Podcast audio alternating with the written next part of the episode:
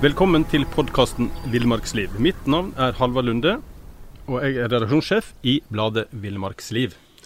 Og jeg er Dag Kjelsås og har jobba mye i Villmarksliv, og så er jeg veldig interessert i utstyr.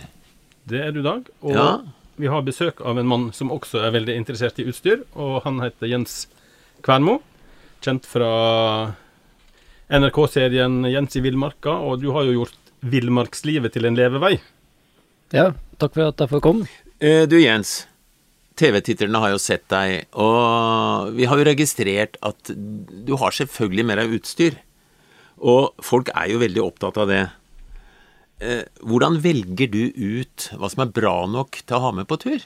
Um, ja, det er jo et godt spørsmål, egentlig. Uh, det varierer jo veldig ofte med turene, da. Så det, um, det er litt som med valg av klær, egentlig. Altså, jeg bruker å se for meg hva er det Altså, hva, treng, hva kommer jeg til å ha behov for da, på turen? Um, hvor lang er turen? Uh, hvor er jeg? Altså, jeg, skal jeg veldig langt unna folk, så må jeg ha litt mer som krever Altså mer kvalitet, da, kanskje. Um, går jeg til fots, så er det vekt er ofte den eh, største faktoren, da. Og ja, kjører jeg hundspann, så er jo ikke volumet problemet, men da er kanskje Ja, volumet kan være et problem da, hvis jeg skal ha med mye hundemat, hvis det er langt, men uh, da er kanskje ikke vekta det store problemet igjen. Og, så det varierer veldig. Det er helt avhengig av turen, da. Men er du, er du fornøyd med det du får kjøpt, eller er du sånn Du modifiserer litt? Ja, jeg er sj- sjelden fornøyd med det jeg kjøper. Jeg syns det er en sånn moder, ja. Altså, jeg, jeg syns det er jeg, Rett og slett syns jeg det er mye sånn Det er mye ræl ute der òg, egentlig. er det lov til å si det? Nei, jeg syns det er Altså, jeg er veldig sånn fascinert av sånn eh, jeg er veldig fascinert av urfolk, da. Som la, de er jo veldig flinke til å lage sitt eget utstyr, ut, og klær og utstyr. Og jeg syns det, det er spennende å modifisere og, og lage sitt eget utstyr. Og hvis du lager noe fra bunnen av som, som i tillegg fungerer bedre enn det du får kjøpt, da, så er det en sånn veldig sånn mestringsfølelse, faktisk. Og så er det jo ja, det er litt sånn bærekraft i det å lage sjøl òg. Spesielt sånne skinnprodukter og sånn, det syns jeg er artig. Ja. Har du opplevd at dårlig utstyr har liksom ødelagt turen for deg?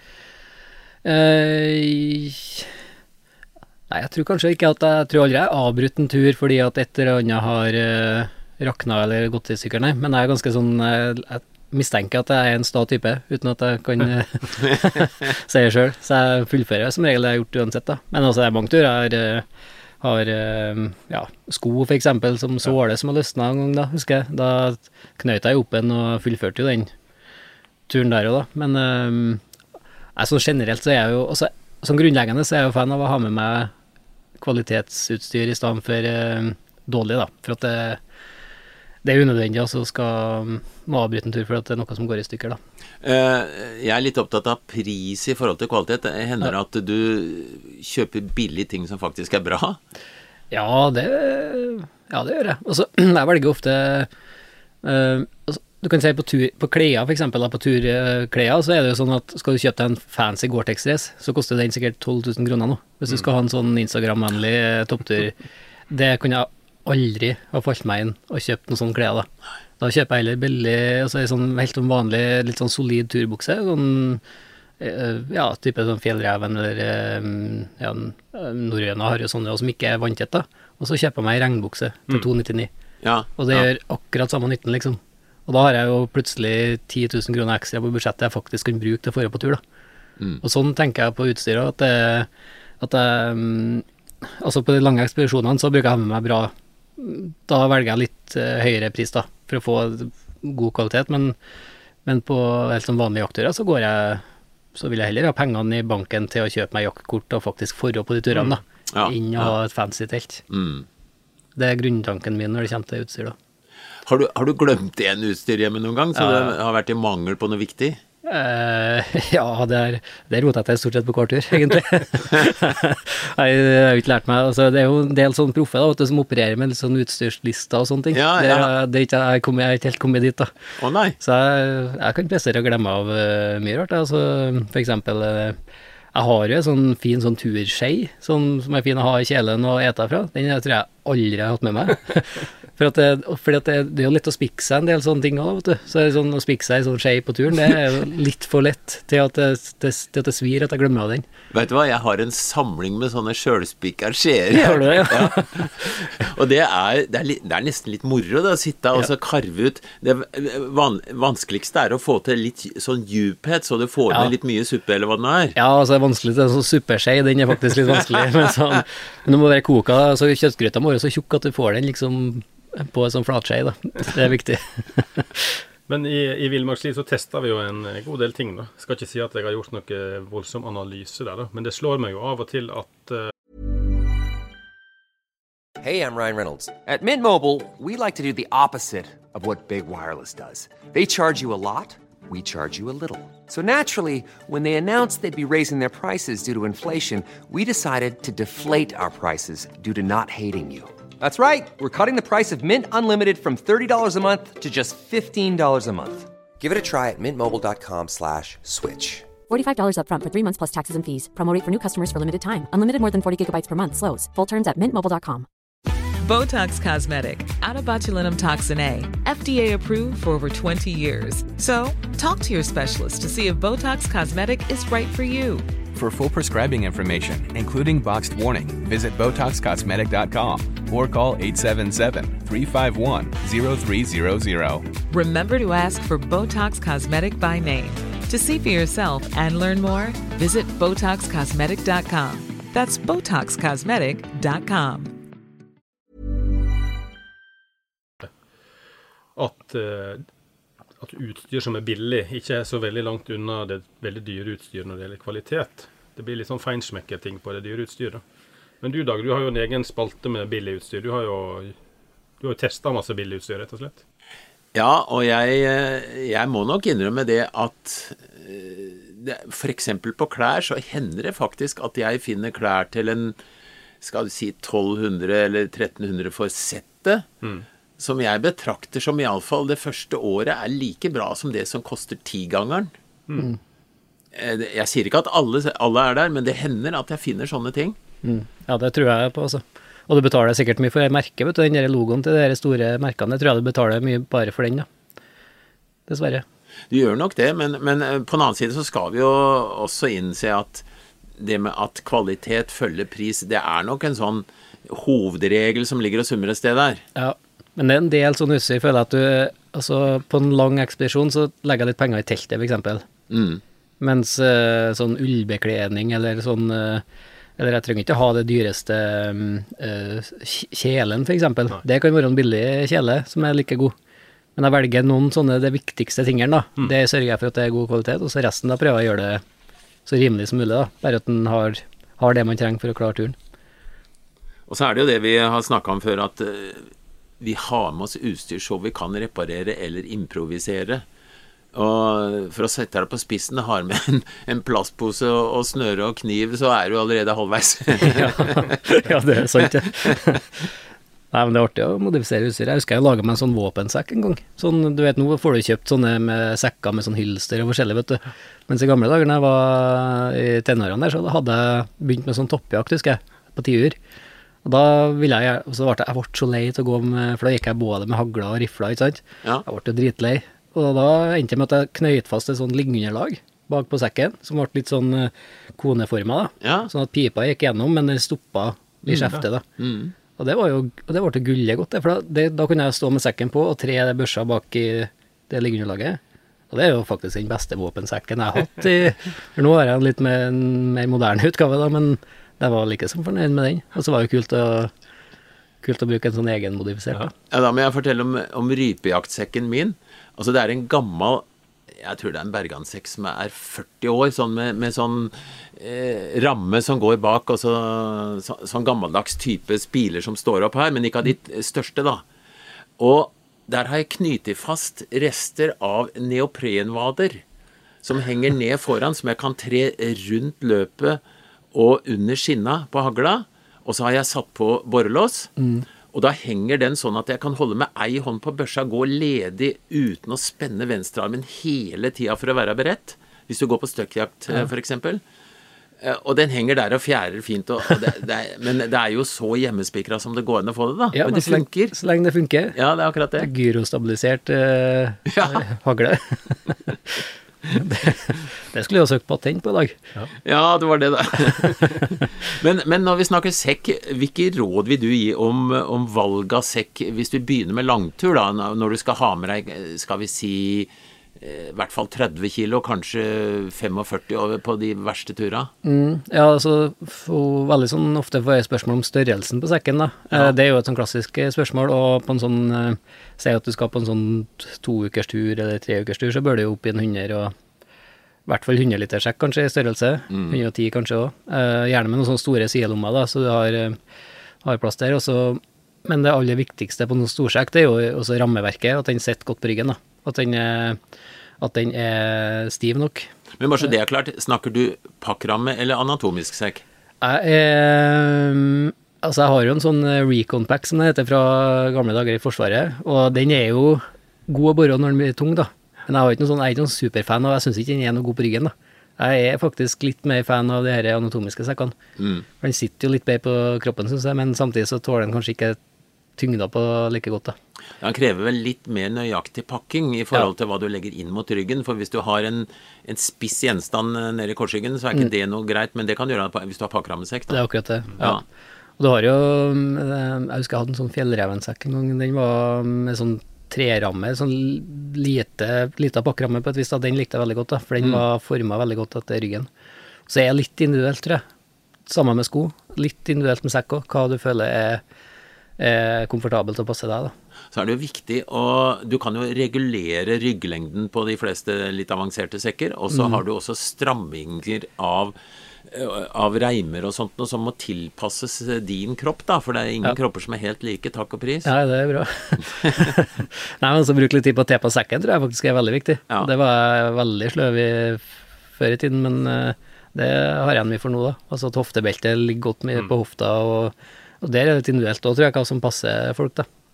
Men, men eh, hoftebelte, ja, det er litt interessant, fordi jeg veksler mellom å ha hoftebeltet stramma og løsne det, for jeg føler at det blodomløpet er Det blir litt trangt når du strammer det til hardt og har tung sekk. Ja, jeg satt uh, enig til det. Jeg, bu- jeg kan løfte opp en noen gang, og så Ja. legge den liksom litt over hofta. hofta. For da føler jeg at jeg hviler meg litt i skuldrene. Eh, så kan jeg slakke opp litt, sånn at den ligger litt mer ned på hofta. Da. Så jeg Ja. varierer Det har jeg litt trua på, at det va- varierer litt. Nemlig.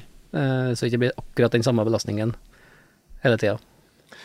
Men når du skal putte ting i sekken, har dere noen strategi for å pakke sekken på en fornuftig måte? Har du faste plasser til ting, f.eks.? Ja, så det ender nå i hvert fall opp i det i løpet av en tur, da.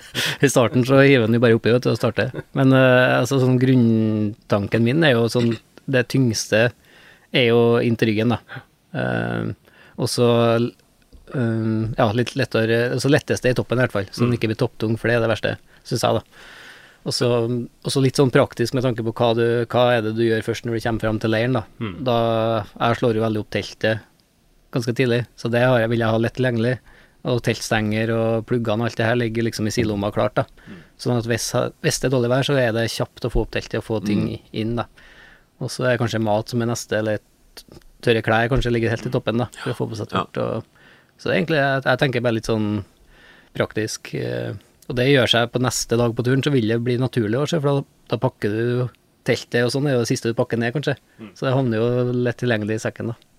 Jeg pleier også å, å variere vekthøyden på Altså det tyngste nederst når jeg går på ski, og tyngdepunktet litt høyere i sekken når jeg går på beina, for da har du mer balanse. På ski er, tenker jeg at hvis du kjører en, kjører en bratt nedoverbakke på litt sånn snø hvor du slår igjennom, og så har tyngden veldig høyt oppe, da går du jo på trynet. Ja. Men har du tyngden da lenger ned, så er det mye lettere å kjøre på ski. Så jeg varierer litt på etter om det er sommer og vinter. Ja. Ja, det, var, det ikke jeg tenkte over. Det, var, det fungerer helt sikkert bra, ja. Men eh, mot regnet, er det pakkposer inni som gjelder, eller er det regntrekk utapå, eller begge deler? Jeg er veldig fan av sånn pappose. Ja. og det syns jeg En ting er at det holder tørt, og så er det veldig sånn systematisk og greit, da. Altså, Gjerne med forskjellig farge på. jeg håper jo en dag å komme dit, da. At jeg, at jeg klarer å få til det. At maten ligger i den grønne, og klærne i den røde og sånn. Jeg er ikke helt der. Men uh, Ja, Man må så- ikke bli slave av farvene, for da plutselig så spiser opp underbuksa. Ja, sånn. det, det, er veldig, Ja, fort, ja, det er fort gjort å gå i fella der, altså. Det, Utover turene mine så tror ikke jeg det, det er godt gjort å gå på den smellen, for du kjenner om du er tatt galt. og så er det litt sånn, også pakkposene mine er, er sånn at de er ikke eh, vanntett lenger heller. Da. Og så den fella har jeg gått i faktisk noen ganger, da. At, det er, at de ikke er helt tett. rett og slett. Ja, og det er faktisk ikke noe poeng å ha med seg vann. Men der kommer jeg drassende med den evige plastposen min, da, vet du. Ja, som berger Altså, eh, plastpose inni en pakkpose, for Ja. plastpose tåler jo ikke så mye hvis de ligger løse, men Nei. hvis de er inni en sterk pakkpose, så, så vil du uansett ha vanntettheten. Ja, ja, det er sant, det. Uansett lurt å ha sånn dobbeldekning på en del ting, da. Mm. Er det. Men i vinterstid så har du jo eh, pulkmuligheten, da. Bruker du det? Jeg er veldig glad i pulk, da. Ja. Um, Da kan du være litt raus med pakkingene. Ja, da får du med litt mer, og så syns jeg det er bedre det er Noen ganger så går det litt saktere, faktisk. Eh, mange ganger går det fortere da. Men eh, jeg syns det er rett og slett er behagelig å gå med, gå med pulk. Jeg husker det øyeblikket når jeg I, i tenårene så var jeg alltid storsekk da, på ski. Mm. Eh, og så Livet mitt er før og etter jeg oppdaga den der barnepulken på loftet til garasjen her. Min egen, skal jeg si. Altså den jeg lå i sjøl, da. Og den gikk jeg drassa på i mange år, altså. Og funka gullig godt. Langt opp i 20-årene før jeg kjøpte meg en sånn eh, ordentlig pulk, da. Ja. Så det forandra vinterfriluftslivet mitt, altså. Men eh, når det gjelder pulk, så har jeg iallfall den erfaringen at en pulk med høyt tyngdepunkt, det er noe ekte drit, altså. Ja, det kan vi dritt. Få tyngden i bånn. Ja, det er Ellers så velte Når du har flydd og vridd det der draget Ja. Mm. tre-fire ganger, da er du lei det. Helt enig. Det, det lærer jeg heldigvis. Sånne ting lærer jeg fort, da. Men, men på, særlig på seine vinterturer med skara, herregud, du kan jo til og med skøyte med fjellski med pulk etter deg, Ja, du, ja, ja. du merker nesten ikke. Ja, altså hvis du har en trekkhund i tillegg og Ja, da er det gratistur, da. Ja. Og så det, det er et runde med å gå uten sekken på ryggen. Altså du, du vet du blir så svett jo, når du har en sånn sekk Ja. på ryggen. Bare det å ha muligheten til å få lufta godt, og jeg syns det veldig, veldig behagelig. Men så vil jeg også si de, de gangene jeg har vært i fjellet, og så plutselig får jeg en halvmeter med blautsnø, og så har en pulk, Ja. så skal det være brøytemaskin med pulken. Ja. Jeg har gått fiskebein på flatmark flere ganger og vært så sliten at jeg nesten har daua. Ja, ja, ja. Nei, du kan bli Jeg har vært stuck altså, på vinteren. Når det, det var en gang det var sånn halvmeter nysnø, så ble det fuktig. Ja. Det var bløtt på toppen, og så, og så tørrsnø nedi. Og så pulken var Altså, jeg kunne gå én meter, og da var den så klabba at jeg måtte bare stoppe og, og skrape av, og så gå en ny meter, og så bare stoppe igjen. Jeg, jeg, jeg dro halve Saltfjellet med, med pulken min en gang, og da hadde jeg vondt i det kneet et halvt år etterpå. For det måtte gå fiskebein på flatene. ja, ja, ja. Det kan være Men en halvmeter nysnø, så er det tungt å gå med en storsekk på ryggen. Ja, det er rå. Det er det. Ja. Men jeg ser jo en del som går med pulk, at de har uh, liggeunderlag og sover posen i en sånn eh, Fancy fancy pose. Ja, Sparer jo litt tid på det, da, men det jeg sparer litt tid på det. Jeg er litt sånn uh, gammeldags der, så jeg liker at det skal være Bakke ned og Ja. Og, ja, det må være For det er enda en sånn ting du må handle, da, vet du. ja da. Du, nå ga du et stikkord som jeg Dag, du kan bruke en søppelsekk, du, kanskje. Ja, det, jeg bruker plastposer til alt mulig rart. Men jeg gjenvinner dem etterpå, da. Ja, ja. Men, men du, akkurat du sa liggeunderlag, Ja. og det syns jeg vi skal prate litt om. For her har vi variasjoner fra et vått reinskinn som veier 20 kg, Ja. og til ultralette, tynne liggeunderlag som du fryser når du ligger oppå. Ja, ja, ja. Hva er din erfaring, Jens? Um, altså, jeg har alltid brukt vanlig Et sånt uh, vanlig sånn bamse liggeunderlag. Mm. De liker jeg godt, og det er sånn ganske tjukke sånne skumgummi... Ja, de er sånn centimeter litt Ja. over, kanskje? Ja, noe sånt. Opp i 24 millimeter. noe. Ja, mulig du får sånn ekstra tjukke òg. Ja. Men også, også et reinskinn oppå, Ja. oppå der igjen. Jeg, jeg er glad til reinskinnet på sånne vinterturer. Når det ikke når det er Men tørt og kaldt. Da, ja, men reinskinn er ganske Det veier ikke så mye, sjø. Så lenge at det er tørt, da. Men Ja. som Dag sier, hvis at det blir gjennomfuktig, så blir det Da blir det tungt, ja. Det funker litt dårlig på sommeren og høsten, da. Men på vinterstid så er jeg veldig glad i reinskinnet. Hvis, hvis du har et uh, ugarva, rått reinskinn som er tørka bare, Mm. og du legger det i blautmyra, da veier det mye etterpå, ja. ja, det gjør det. Eh, men, men du får jo faktisk reinskinn med sånn slags plastbelegg på som ikke trekker vann. Mm. Så, men, ja, men, men reinskinn er jo både Det er mye volum og mye, mye vekt i forhold til de beste liggeunderlagene. Det er det. Du knuser ikke det, det fancy sånn oppblåsbare Men det er et eller annet med dette men altså, Jeg har eh, en guilty pleasure på liggeunderlag, så jeg har et sånt uh, oppblåsbart uh, dununderlag på sånne lange vinterturer. For at Ja. det er Det er behagelig. Ja, det er behagelig, og så er det faktisk eh, varmt, da. Men det er et stort men, da, hvis at det går hull på hverandre.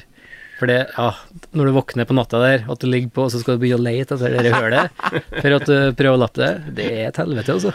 Ja, De høla er jo vanskelig å finne når det er hjemme og fylt Ja. badekar med vann. For det, det, det er så vidt det bobler bare, vet du. Ja, det er akkurat det. Og det å ha med seg sånt på langtur, det er en sånn Det er veldig behagelig, du sover veldig godt, og det forandrer vinternettene også, men det er hvis at det går på et ør, da. Mm. Nei, men jeg er følger, følger den sikkerhetsregelen du har, at ha et sånn celleplasttype Ja. reserve eller i tillegg, Ja, og ryker det andre, så har du det uansett, da. Ja, det må man alltid ha med. Altså. Mm. Aldri stort på det. Og så er jeg veldig glad til reinskinnet på vinteren. Altså. Det, er en, det er en grunn til at de får i bar på det i gamle dager. Altså. Det er jeg sikker på. De Ja, det var, det var, det var. Nei, det er noe sånt. sant. det, var, det var ikke mye oppblåsbare. Nei, men det er, for, det er forskjell på mennesker. Noen syns det er greit å ligge litt hardt. Ja. Andre får ikke sove. Nei, det er sant, det. Eh, For det, det er klart at det, et sånt litt kompakt celleplastunderlag, det er hardt å ligge på, da. Det er det, og det, det er det også. Og det er ikke det varmeste på vinterstid heller. Så man må også, men eh, jeg tror òg Og det er sånn generelt, sånn når du skal sove ut på vinteren, så tror jeg underlaget er viktigere enn soveposene, da. Eller, jeg vet ikke hva du tenker, Dag, men det, jeg tenker det er viktigere at du har god isolasjon under. Jeg tenker at begge deler må være topp hvis det er skikkelig kaldt. Ja, men, men altså, hvis du fryser underfra, så ja. hjelper jo nesten ikke hva du gjør. Du, men da legger jeg jo gjerne noe klær under meg, da. Ja da, du har det. Men jeg, du kan ha, jeg føler du kan ha den dyreste, beste soveposen, men hvis du da ligger rett på bakken, så blir du kald uansett. Helt klart. Du, og særlig altså en dunpose klemmer jo flat, ikke sant? Spesielt som dunposer Ja. eh, blir helt flat under. Ja, da, så, og da isolerer det dårlig, vet du. Ja, altså jeg legger egentlig mye tid i sånn, altså det som er under. Og der tenker jeg litt sånn lag på lag-prinsippet, da. At jeg har gjerne et sånn trelag, da. Enten med klær, og så celleplast, og så et sånt reinskinn eller oppblåsbart. Men jeg bruker veldig mye klær om natta, enten oppå soveposen eller under hvis det er, hvis det er fryser f.eks. Så Ja. bruker jeg alt jeg har av klær eh, til å ligge på eller ha over meg, for det hjelper veldig mye. Ja, det gjør det. Så sånn, eh, og så er jeg mye varm på morgenen. Så sånn, Mm. Ja, det er en eh, fordel, det òg. Ja. Og du tørker faktisk Hvis du legger en sånn litt fuktig genser oppå soveposen og klarer Ja. å unngå å rulle rundt om natta, Ja. så tørker du den til en viss grad av kroppsvarmen. Ja, det er sant, altså. Så, men det å ha som hodepute eller ha på under ryggen, liksom, det, da får du en plussgrader, i hvert fall når du skal stå opp. Da. Og det er noen morgener så er det gull verdt, altså. Ja, Men har du ikke med deg svær eh, sånn hotellhodepute? Ja, det, altså, Oppblåsbar som dunhodepute. Ja. Nei, jeg har ikke helt kommet meg dit, jeg mangler liksom mye i teltet mitt. Altså, det er ikke wifi og ikke strøm.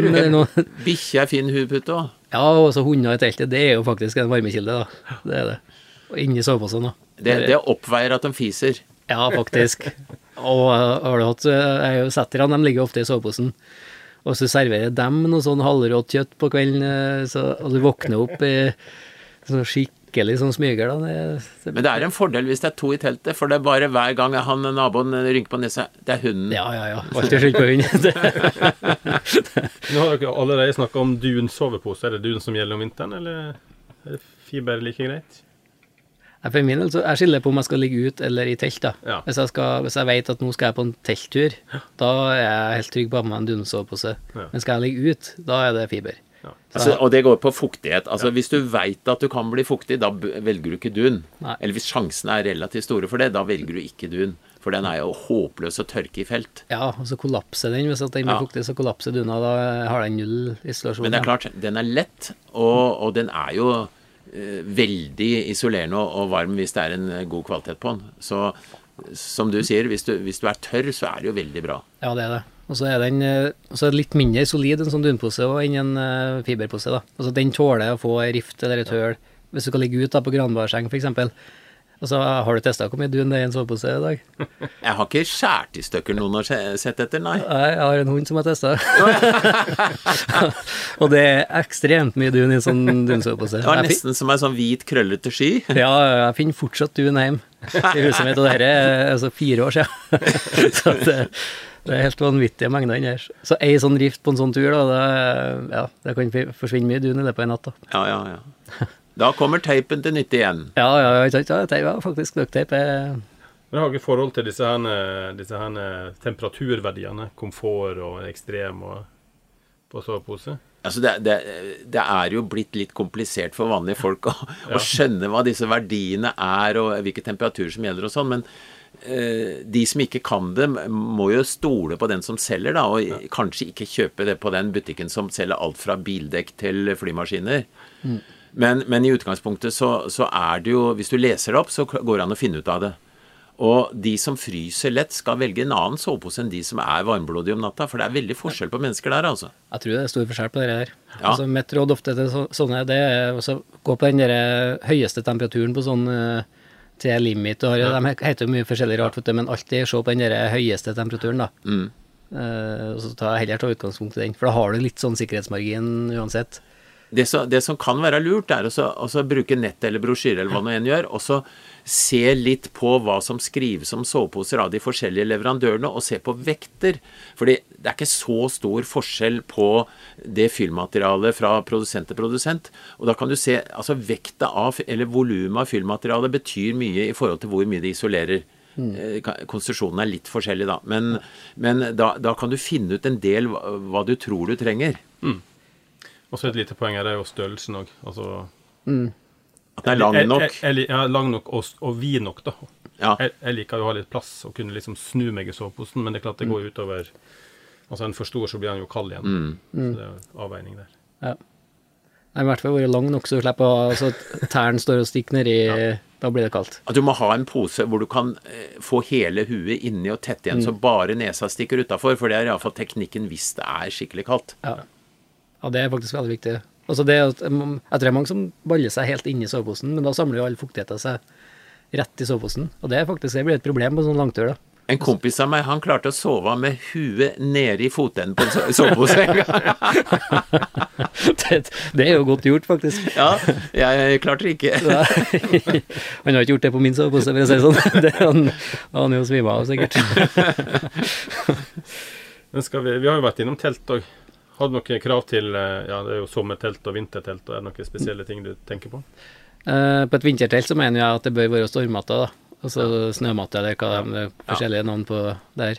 Sånn at du har muligheten til å, til å grave ned de her flappene da, som stikker ut eh, rundt teltet. Jeg føler at det er Jeg føler at det gjør teltet mye lunere.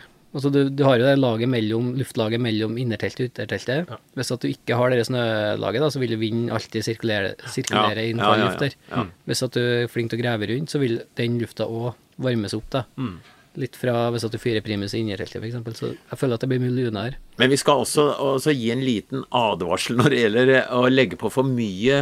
For det, jeg har iallfall opplevd at du, du har kramsnø, og så legger du godt rundt teltet. Ja. Og så våkner du om morgenen, og så er det skare. Altså du, du, du må jobbe enormt for å få frigjort teltet fra den skaraen der det fryser fast. Ja, men da har du fordelen ved Da er du faktisk værfast, vet du. Da, kan du ligge så lenge du vil, helt til det blir mildvær. Ja, altså, da kan du ligge til våren. Hvis du har tid til å ligge til våren, tror jeg. Nei, nei, men å, å legge på steiner eller stokker uten kvister kan også være veldig fine, for da, da dekker du en stor lengde. Det kan jo være godt på et sånt sommertelt. Og syns jeg at du vet at eh, altså, du skal i værhardt område, så er det, er det Jeg har det på sommerteltet mitt òg, og da Altså- legger jeg på stein, da. Har du noen gang opplevd at teltet blåser av gårde, så lærer du at du skal forsikre teltet og bruke barduner og sånt, altså. Ja. Og så når du har vært ut Altså når du må ut på natta, når det, når det høljregner og bles, og så bare fordi du har glemt å sette på noen barduner, eller eh, Ja. Altså, man lærer av det, altså. Ja. Så bardunerer jeg. Sånn, grunnregelen er jo å bardunere og sette opp teltet som at det skal bli uvær, da.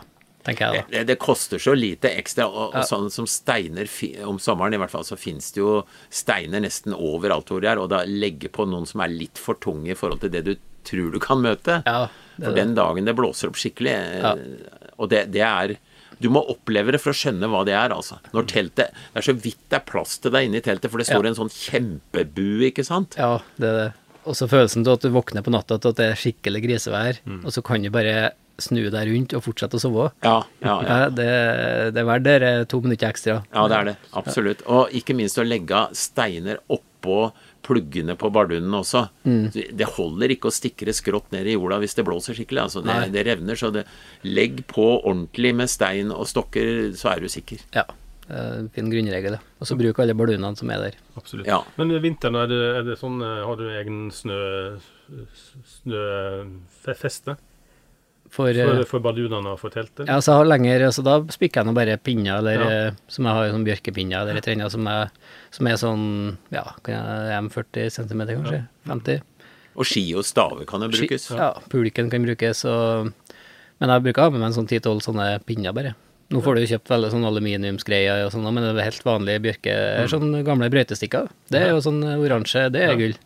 Hør med han lokale Ja, De ligger jo og slenger litt langs veien Ja, du kan jo hjelpe han brøyteren da, du, på våren med å rydde opp litt i Ja, altså, jeg samler sammen de som er knekt. Ja. Som, som ikke blir tatt vare på. Fordi Mm. det er jo brukende til Altså vi som driver med sånn eh, hobbymekanikk, holdt jeg på å si, Ja.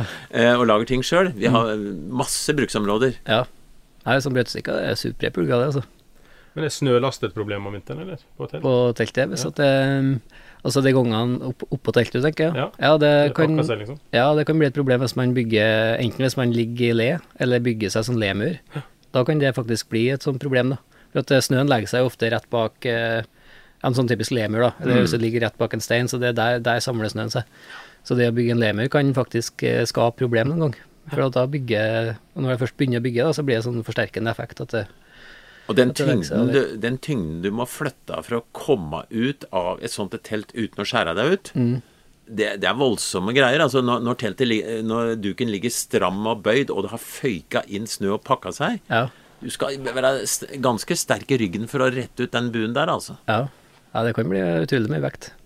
Og så en annen ting, det er å huske å stenge igjen i forteltet. For, så ikke det, for det har jeg gjort, det har jeg vært med på noen ganger at jeg føyka inn uh, i forteltet. Og Ja. Det var noe sist nå i fjor vår, så var jeg en kamerat på, på isfisketur. da.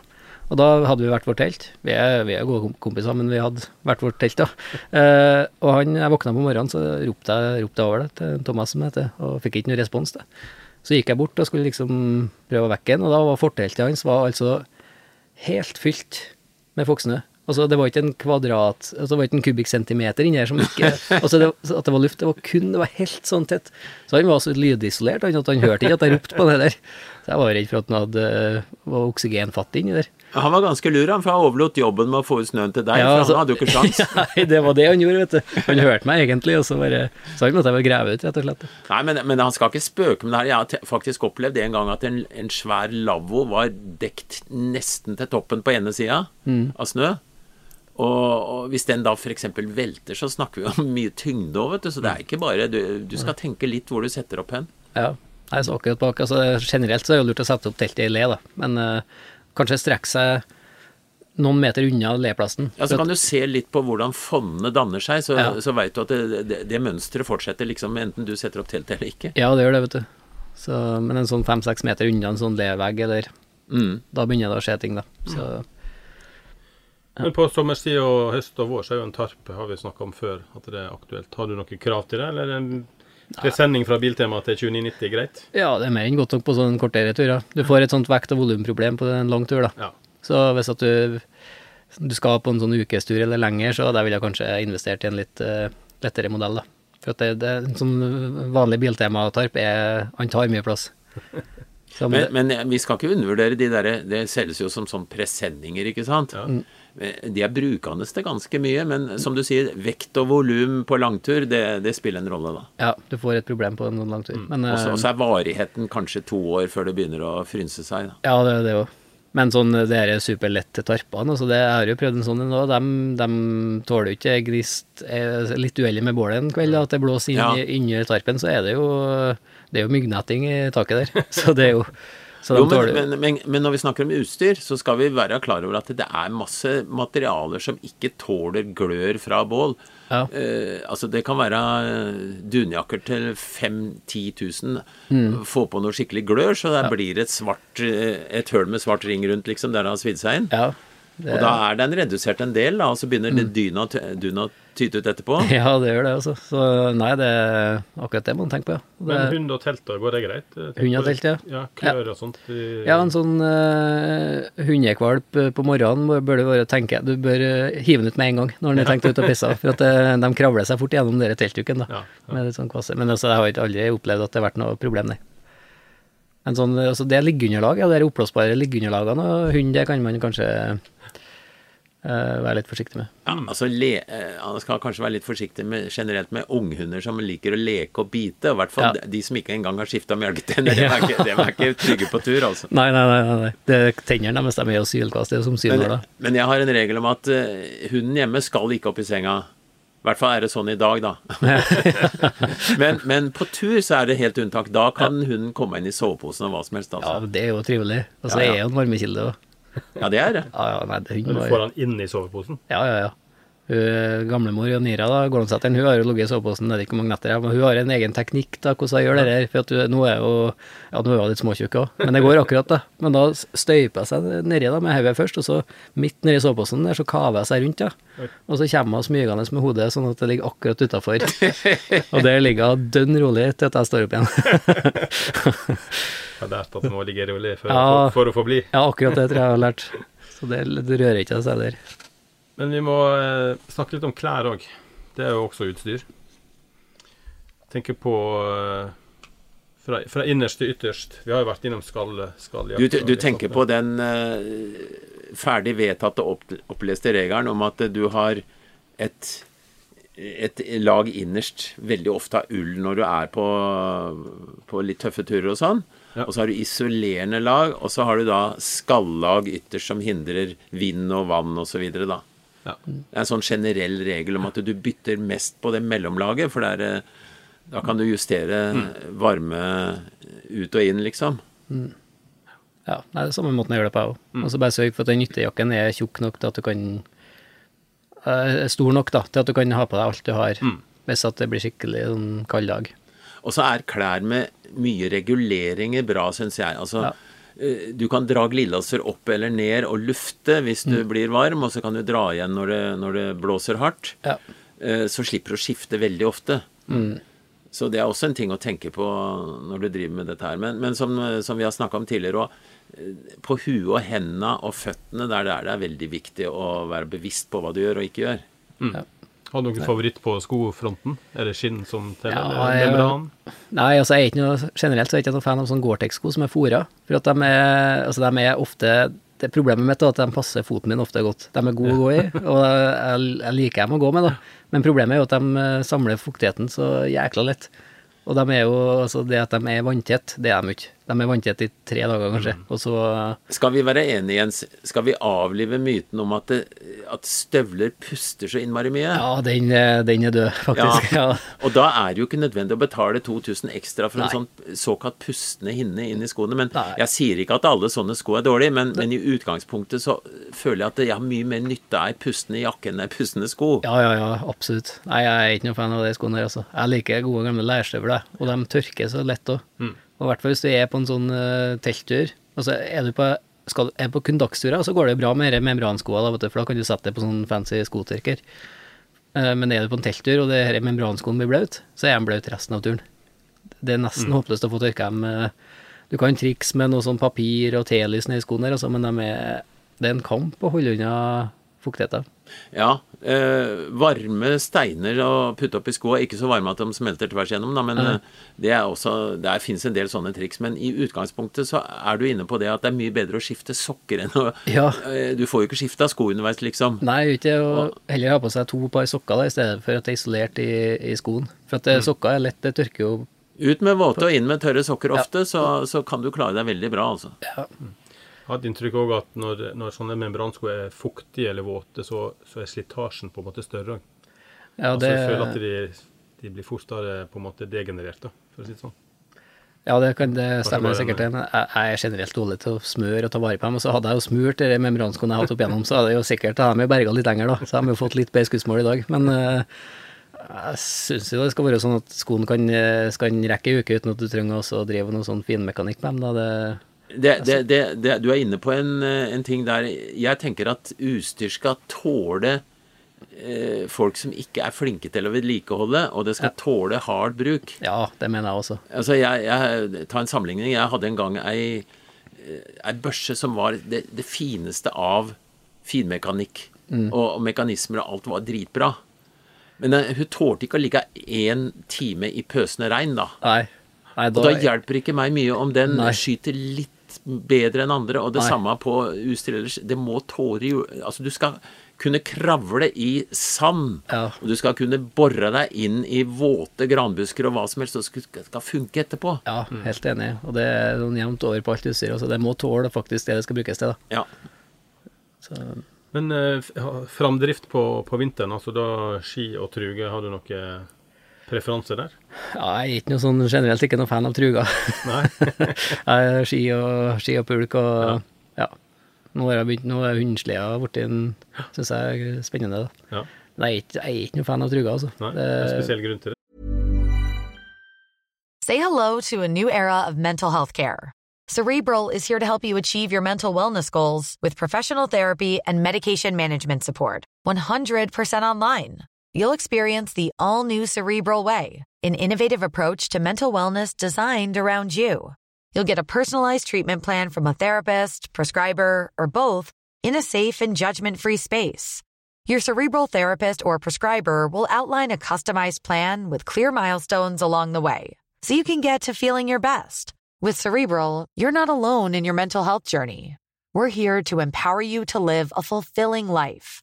So take that first step towards a brighter future and sign up today at cerebral.com slash podcast and use code ACAST to get 15% off your first month. Offer only valid on monthly plans. Other exclusions may apply. Offer ends July 31st, 2024. See site for details. As a person with a very deep voice, I'm hired all the time for advertising campaigns. But a deep voice doesn't sell B2B, and advertising on the wrong platform doesn't sell B2B either. That's why, if you're a B2B marketer, you should use LinkedIn ads. LinkedIn has the targeting capabilities to help you reach the world's largest professional audience. That's right, over 70 million decision makers all in one place. All the big wigs then medium wigs. Also small wigs who are on the path to becoming big wigs. Okay, that's enough about wigs. LinkedIn ads allows you to focus on getting your B2B message to the right people. So, does that mean you should use ads on LinkedIn instead of hiring me, the man with the deepest voice in the world? Yes. Yes, it does. Get started today and see why LinkedIn is the place to be to be. We'll even give you a $100 credit on your next campaign. Go to linkedin.com slash results to claim your credit. That's linkedin.com slash results. Terms and conditions apply. Eh, Det er Salget har jo tatt helt av. Ja, jeg skjønner egentlig ikke helt hvorfor det Jeg spekulerte litt på det, hvorfor det er så populært, men det, nei, det er et eller annet altså, Jeg kan ha det med meg på en hundespanntur, hvis at jeg har en sånn at jeg skal over en dal, at jeg må tråkke opp noen spor til bikkjene og sånn.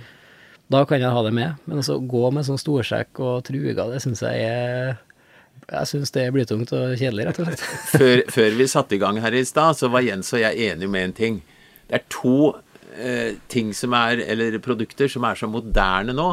Det ene er truger, og det andre er hengekøyer. Og vi er ikke glad i det, noen av oss. Ja, jeg tror jeg er skimann, altså. Ja. Det, Jeg tror kanskje trug er for de som ikke er så veldig glad i å gå på ski. det kan være Og at du har hytta som gjerne et utgangspunkt. Så det er for en kort ettermiddagstur, eller altså Hvis jeg skal tråkke et spor fra ei hytte og ned til et vann eh, for å gå opp og ned i vanlige støvler etterpå, da bruker jeg truger og ikke ski. Eh, og hvis det er veldig djup snø, så kan kanskje et par veldig eh, med store flater være greiere enn et par ski som forsvinner rett ned. Men jeg bruker heller litt breie eh, og ofte korte ski enn truger. Å gå med truger i skrå bakke det er jo sorgen. Og er det- f.eks. skara, så kan du regne med at du sitter på rumpa og sklir ned igjen etter en stund. Ja. Eh, men det, fi- jeg skal også si at det, det fins veldig bra truger med, med, med pigger nesten under, Ja, som er Hvis du skal litt sånn på kanten mot fjellklatring, så er det veldig bra. Ja, altså, truga har jo bruksområdene sine, da. Mm. Men det passer liksom ikke med mitt uh, turliv, da. Så passer ikke truga så godt. Men i leir f.eks. kan truger være ålreit. Vi skal tusle litt rundt i leiren og hente litt ved og sånt noe. Mm. Absolutt. Ja, på sånn type Spesielt hvis det er litt sånn gjennomslag og tungt føre. Det kan gå oppå med et par truger. Mm. Altså, det, har jo, det er jo noen ganger at det har vært kjekt å ha dem med, da. Det skal jeg jo innrømme. Men eh, nei, jeg, jeg går for ski, altså. De gangene du støvla bærer litt og detter gjennom, Ja. da er du glad du har truger. Da vil du være glad hvis du har tatt med truger, faktisk. Altså det å gå og sanke ved med ski og sånn, altså det er jo litt sånn baske noen gang. Så Ja det, er jo, det er jo en del tilfeller at det kunne vært kjekt å ha med et par truger på pulken, da. Men det er liksom én ting til å ha med seg, og det, det funker med ski òg. Og da ski, er det smør, smørning, eller er det felle du bruker? Nei, nå har jeg felleski, da. Ja. Sånn uh, Fast fell. Ja, sånn uh, innferd... Sånn uh, ja, hurtigmontasje, Ja, da. hurtigfelle, ja. Er det hva det kalles på moderne språk? Jeg vet ikke. Men uh, ja, jeg er veldig, veldig fornøyd med dem, da. Ja. Så Når du drar pulk, så er det veldig greit. Ja, da, det er det. Og så er- slipper du noe smør i ski hver dag, da. det er noe med det Jeg òg. ikke så god glid, da, men Nei, altså, jo, det, altså, jeg har, jeg har eh, to forskjellige sånne feller da, jeg bruker med. da. En som er brei, som dekker hele skien, men bare sånn mellom, altså bare Mellom festesonen. Og så en litt sånn smalere, en som er klipper ned. Ja. Gjerne en litt sånn gammel fell som er nedslitt. Hvis det er sånn skareføre, f.eks. Mm. Da er, hvis at fella, føler jeg da, hvis at den dekker hele skia, så bremser den eh, mer enn den glir, altså. Da er det godt å ha en sånn nedslitt gammel felle som du har klippet litt smalere, Ja. som har eh, Den har ikke noe godt feste, men det, det er mer enn nok på sånn skareføre, da. Vår skare. Har du gått på ski med sånne feller som lager lyd når du kjører nedover? Ja, ja sånn, sånn fartslyd nedover, ja. Sånne gode gammeldagse smørefrie skier lagde jo sånn hylelyd. Og så lugger de litt innimellom, da. Plutselig, helt sånn uten forvarsel, så, så, så stopper de litt. Det er herlig, altså. Jeg, er sånn litt gammel hobbysmører. Altså jeg syns det er forholdsvis greit med, med ski du må smøre, men hvis jeg skal velge, så kan jeg like gjerne gå på et par nesten blanke treski, fordi det er faktisk ikke så helt gærent. nei, det er sant, altså. Hvis du har en, en, en såle som er grei på de, så, og du kan jo impregnere dem og sånn, da. Ja, og du kan jo smøre felleskia, da. Altså, jeg har jo smørt mine Ja, ja. Jeg har jo smøring på mine fra 2016, sikkert. Og den funka jo, ennå nå. Jeg var ute på en tur her for noen dager siden. Så den, den satt jo godt da ennå. Men eh, vi, vi er sikkert enige om at et par eh, ski på sånn, ja, rundt eh, 1,60-70 eller noe sånt, og litt breie, er veldig fine i Ja. Generelt utafor løype, for oss som ikke skal opp på topper og skli fort ned igjen og sånn, men Ja. gå litt sånn og vasse rundt på Ja. jakt eller hva det er. Ja, sånn jaktski syns ikke jeg skal være for lang, jeg der, nei. Nei. De svenskene, vet du, de går med sånn tremeters lange treskier. Ja, ja. Det, det er sikkert greit hvis det er flatt og rett fram. Ja, nemlig. nemlig. For Ja. de bærer jo veldig godt, da, vet du. Men hvis du skal rote deg borti én sånn skogpille, så har du jo, da blir du stående, blir du stående der.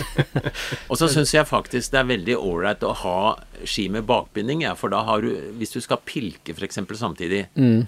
Eh, og gå litt i lei, så har jeg samme støvla hele tida. Ja. Men, men eh, jeg har lett for å fryse litt hvis jeg har vanlige skistøvler, og Mm. jeg vil heller ha noen som er litt mer isolert. Og, og hvis du da kan gå med de i bakbinding, eller sånn gammeldags barnebinding, liksom, type, ja, da kan du gå med hvilke sko du da kan du ta hva du vil på beina. Ja. ja jeg, Så- jeg føler jeg var fornøyd med løsninga på skisko nå, for at jeg fikk tak i et par sånne lærsko, og så har jeg sånn ullkartank inni. En sånn Ja. eh, ulltøffel. Og det syns jeg fungerer veldig, veldig godt. Mm. Det er beste løsninga jeg har hatt noen gang. For den kartanken kan du bare dra ut, og så tørke den over primusen eller, eh, eller eh, ja, over ovnen eller hvor du nå er igjen, da. Att med bålet. Så er den, er den tørr hver dag, da. Men så skal vi også si det at det, det fins jo gode, isolerte lærstøvler av, av god kvalitet som, med tåbindinger som kan brukes nesten til alt av tøft uh, på, på ski òg. Ja, det gjør det. Og jeg føler sånn ned til sånn 20 minus så finnes det veldig mye Ja da, det gjør det. det, gjør det. Og, men spesielt isfisking, som du sier, da, hvis du kommer fram til et vann, og så er det litt småfuktig på Altså litt overvann. Ja, litt overvann i tillegg. ja, det er heller, vet du. Da kommer de støvlene som går litt høyere opp til nytte. Ja, ja men det å ha med seg sånn vanntette fotpose er smart på Det er fine sånn leirstøvler egentlig òg. Ha med seg et par ekstra sånn kartanker, ullkartanker og sånn, sånn eh, sånn, eh, vanntette fotposer. Jeg, jeg, jeg bruker ofte, hvis jeg skal gå langt på ski, så, og det er veldig kaldt for Jeg har får frys i beina noen ganger, så jeg, jeg er litt nøye på det. Ja. Da har jeg et par skistøvler som er fire nummer for store, Ja. stappfulle av sokker. Ja. Og så går jeg fram til vann, og så tar jeg på utapå de derre beskyttende knehøye Ja. eh, posene som, som da er isolert også, så det blir enda litt varmere enn bare med, med de støvla. Ja, det er kjempesmart, det. Ja. Og så gjør det før du blir kald, kanskje. Ja, ikke minst. Ja. Og så ikke vent til at du kjenner at nå, blir det, nå begynner det å bli kaldt, og da er det liksom litt for sent. Ja, ja. Da tar det litt tid for å få varmen igjen. Vi var innom eh, primus så vidt. Eh, hva du liker å fyre med på tur? Nei, nå er nå er jeg gått over til bensin, da. Ja. Jeg syns det er på vinterstid. Altså, det skiller jo på sommer og vinter, da. Ja da. Altså, eh, så det er jo først, og så kan jeg jo fyre bål, så gjør jeg jo det. Men jeg er jo i høyfjellet, og det er vinter, så er jeg jo primus, og da syns jeg bensin er, er veldig kjekt, da. På tross at den koster 30 kroner literen. Ja, nå er russeren vår, han driver og lager dyr bensin nå, så det Men har, du, har du erfaring med vinter, eller gass om vinteren? da? Vintergass? Ja, Jeg har vel testa det så vidt, ja. Og det er mulig at det er bedre enn sånn vanlig gass, altså. Ja. Men det er fortsatt ikke Det er ikke bensin? Det slår ikke parafin eller bensin, nei. Det gjør ikke det. Og det, altså, Det er bare å se på, på eh, verdien, varmeverdien i dette her, og det er klart bensin er jo krutt, altså. Ja, det er krutt. Altså, ja. Du bruker jo til forvarminga, og den der rødspriten som vi holdt på med i gamle dager, er jo helt bort. Mm. Den funker, den òg, men det tar lengre tid å få varma opp og så videre, da. Og Ja, så det gjør det. og så er det farlig, fordi du, det er ofte de der åpne beholdere, og søler du den i forteltet, da er det krig, altså. Ja, da kan du få en kamp, ja. Med bensin nå skal du være veldig, veldig forsiktig med å, i teltet, da. Det kan være Fyrer du opp i forteltet eller ute? Ja, altså sånn Det kommer jo litt an på hvor man er i erfaringa, men eh, en bør jo fyre opp, opp ut først, da. Ja. Og så flytter man seg inn i forteltet, og etter hvert som man har litt sånn kontroll på det, så kan du jo i hvert fall fyre primusen i innerteltet og Da blir det jo skikkelig godt og varmt. Men da bør du ha ei plate under, så du er sikra litt grann mot både velting og alt mulig. Ja, det er veldig smart. Og så skru fast. Jeg er jo skrudd fast med min primus i ei sånn fiberplate. Ja. Tynn, lett. Og da står den der fast, da. Og Ja. det, da skal jeg veldig mye til. Så husker lufting. Ja, og lufting er litt lurt, ja. Spise på tur. Hva du tar med av mat utenom uh, fisk? fisking underveis? Nei, det kommer jo litt an på øh, Altså, jeg liker jo å få tak i maten sjøl, da, men øh, det kommer litt an på vinter- og sommertur, det òg. Men sånn generelt, sånn hvis jeg skulle ha laga en sånn mat matplan her, så er det jo Jeg er jo havregrynmann om morgenen. Og så er jeg på sånn tørka kjøtt eller frukt eller noe sånt til typisk lunsj, da. Eh, og så er det ris og potetmos og ja, kjøtt eller fisk, om jeg har med hjemmefra eller om jeg tar det på turen, det varierer, da. Og så er jo kan jo være at det, er noen, at det smyger seg ned sjokoladeplate innimellom òg, men jeg må ikke, må ikke si det til noen. Uten at du nesten veit det. Nei, bare, den bare dukker opp sånn Ja, ja, ja. tilfeldigvis, en sånn Det lå mellom potetmosposene. Ja, gjorde det. Helt, sånn helt tilfeldig. Har du i dag noe favorittmat på tur, eller utenom uh, sjølfisk? Altså, i- ikke, ikke noe er som uh, nyfiska røye som, som ligger og krøller seg i panna. Men, men uh, åh, nå Altså, stønner ja. Jens Ja, ja, her. det er ja. Og da lå det å ta med seg en liten rømme òg på en kort tur. Da har vi både rømme og mye smør. Ja, da ja, ja, da, du, du får ikke blitt tjukk av det, altså, Nei, når det går hardt. Nei, nei, nei. nei. Men, men eh, når det gjelder mat Jeg, jeg syns det er litt viktig å ha litt variert mat på lengre turer, for du blir dritlei eh, sånne gjentagelser hele tida. Og eh, jeg har også med meg en del sånne kompakte eh, frysetørra mat. For det er veldig greit å bare koke vann, og særlig hvis du er på fisketur, som vi snakker om. Altså, jeg er ikke den som sitter én time og koser meg med mat da. Da er det inn koke vann, fiske mens det koker, og, og så heller du på, og så fisker du litt til det har blitt uh, ferdig til å spises, og så spiser du fort og ut igjen. Ja, ja, ja. Da kan du slå opp teltet på isen, vet du, så har du hørt hører Ja, ja. teltet, så pilker du mens du spiser. Å ja, ja, ja. Å ja, ja. Det har hendt det at det har kommet fisk oppi soveposen. det er fint det på morgenen, og bare kan strekke deg ut og kjenne litt på pilken. Det, det er spennende, Men det er altså. ikke alltid. Jeg husker en gang vi var oppe på Holsfjorden, og det var så dritkaldt, så jeg, jeg bora et høl og la liggeunderlaget oppå, og så lå jeg oppå der og tenkte nå er det åpent eh, om morgenen, så jeg hadde utsett da, om natta. Og der var det 10 cm is om morgenen. Men det var 30 ute, da. Ja, det var ja, det var det hjelper på. altså, fett det bruker jeg på vintertur, så bruker jeg med mye fett. Det syns jeg funker veldig bra. For at eh, fett eh, altså Det tror jeg vi savner i kosten, faktisk, på en sånn langtur. Det har jeg tenkt mye på. Så det å ha med seg bacon da, på, en, lang, på en vintertur, det er et litt sånn kjøptriks. Det var ikke tilfeldig at de gutta som lå på skauen og høgg i gamle dager, og svetta altså fra det lysna til det mørkna, Ja. dem åt jo flesk Ja, rent. i mengder. Ja, ja, ja. Rent fett. Og det, det har jeg skikkelig trua på. Det er på sommertur, og så ha med seg Sørg for at du har nok fett i kosten. Men har du, har du lagd pemmikan noen gang? Nei, vi, men i Amerika så var det vanlig altså Nå lager de ikke sånn at de knuste det, da. Men Nei. de hadde med seg sånn tørka sånne små biter av eh, De tørka kjøttet på uten salt, da. De, Ja. de tørka det i sånn tynne, tynne flak. Og så knuste de med altså På alle kjøkken i i Nord-Canada der så var det en stein. Da hadde jeg spekulert på den steinen stein i starten, en sånn kupperstein på kjøkkenet. Det brukte de for å knuse det tørka kjøttet sitt, da. Okay. For at det ble veldig hardt når de eh, tørka på den måten der. Så bakte de det inn i fett da, for å, å Ja. lage de derre Det var gutta på poltur og sånn som gnagde det, dette her i seg, da. Mm. Det var jo pulverisert eh, kjøtt og fett da, som de blanda Ja, sammen og ja. hadde oppi gryte. Og det Nei, de gjør det på samme måte på et vis nå, da, bare at de ikke pulveriserer ikke, da. De Mm. har med seg tørka De tørker jo fettet på dyrene. Skærer, skære av det i sånne tynne flak, og så tørke det og Altså, det, Hvis du skal bære langt og ha lett, så er det ikke noe som er så bra som å tørke mye. For det, du trenger ikke å bære med mye vann, annet enn det du skal drikke underveis og Nei, for er sikkerhet. da, Men Nei. vann fins det der ute. Det gjør det. Og så bløter du opp kjøttet i gryta, og så blir det gullegodt igjen. Ja. Så tørka kjøtt og, og fett i kosten, det er- Nei, det er supertrikset. Og tørrfisk. Jeg gnager litt tørrfisk når jeg er ute sånn. Jaha. Så du ta med hjemmefra, antar jeg? Ja, altså øh, Er en tur på opp i Lofoten og fisker litt og henger opp, eller noen andre gjør Ja. det, og så, og så har du en del sånt. Det, det veier jo ingenting, og så er det godt. Det er godt. Og hundene elsker det. Ja, de rapper det, så de må Ja, være litt må, forsiktige. De må være veldig forsiktige. ja. Ja. Har, hundene har det med egen hundemat, eller de får fisk underveis? Eh, Sånn Grunnregelen er at jeg har med en del. Ja. Så de har, for jeg tror det er veldig bra, den der pelletsen. Det er my, veldig mye bra næring i den som de ikke får gjennom fisk. da. Ja. Så det er på en litt lengre tur, så har jeg dem alltid med Så de, eh, på sommeren så bærer de jo kløv og bærer sin egen mat. da. Mm. Eh, Så jeg har med noe, og så sper jeg på med det jeg har underveis. da. Og så er det litt sånn, det er godt å vite at selv om ikke jeg får nok fisk til både meg og hundene, så har de i hvert fall har de en god neve tørrpellets uansett. da. Og hvis det blir krise, kan du også spise den pellesen, for den er faktisk veldig kontrollert i produksjonen. Ja, jeg tror det er helt innafor gjeta, men da skal det gå dårlig med fiskinga. Altså. Ja. Do you love anime, gaming, movies, and discovering how your favorite pop culture affects everything you do? Then join us on Crunchyroll Presents The Anime Effect. I'm Nick Friedman. I'm Lee Alec Murray. And I'm Leah President.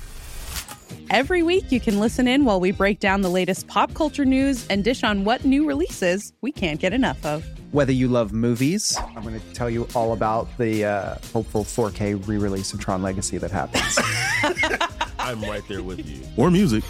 The music in this show Yeah. is absolutely incredible. Or anime. And under this mask is another mask. you can discover your new favorites right here on The Anime Effect. Listen every Friday wherever you get your podcast and watch full video episodes on Crunchyroll or on the Crunchyroll YouTube channel. Selling a little or a lot?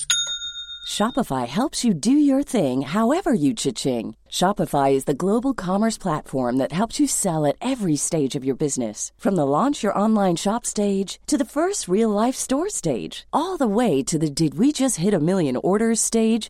Shopify is there to help you grow. Shopify helps you turn browsers into buyers with the internet's best converting checkout.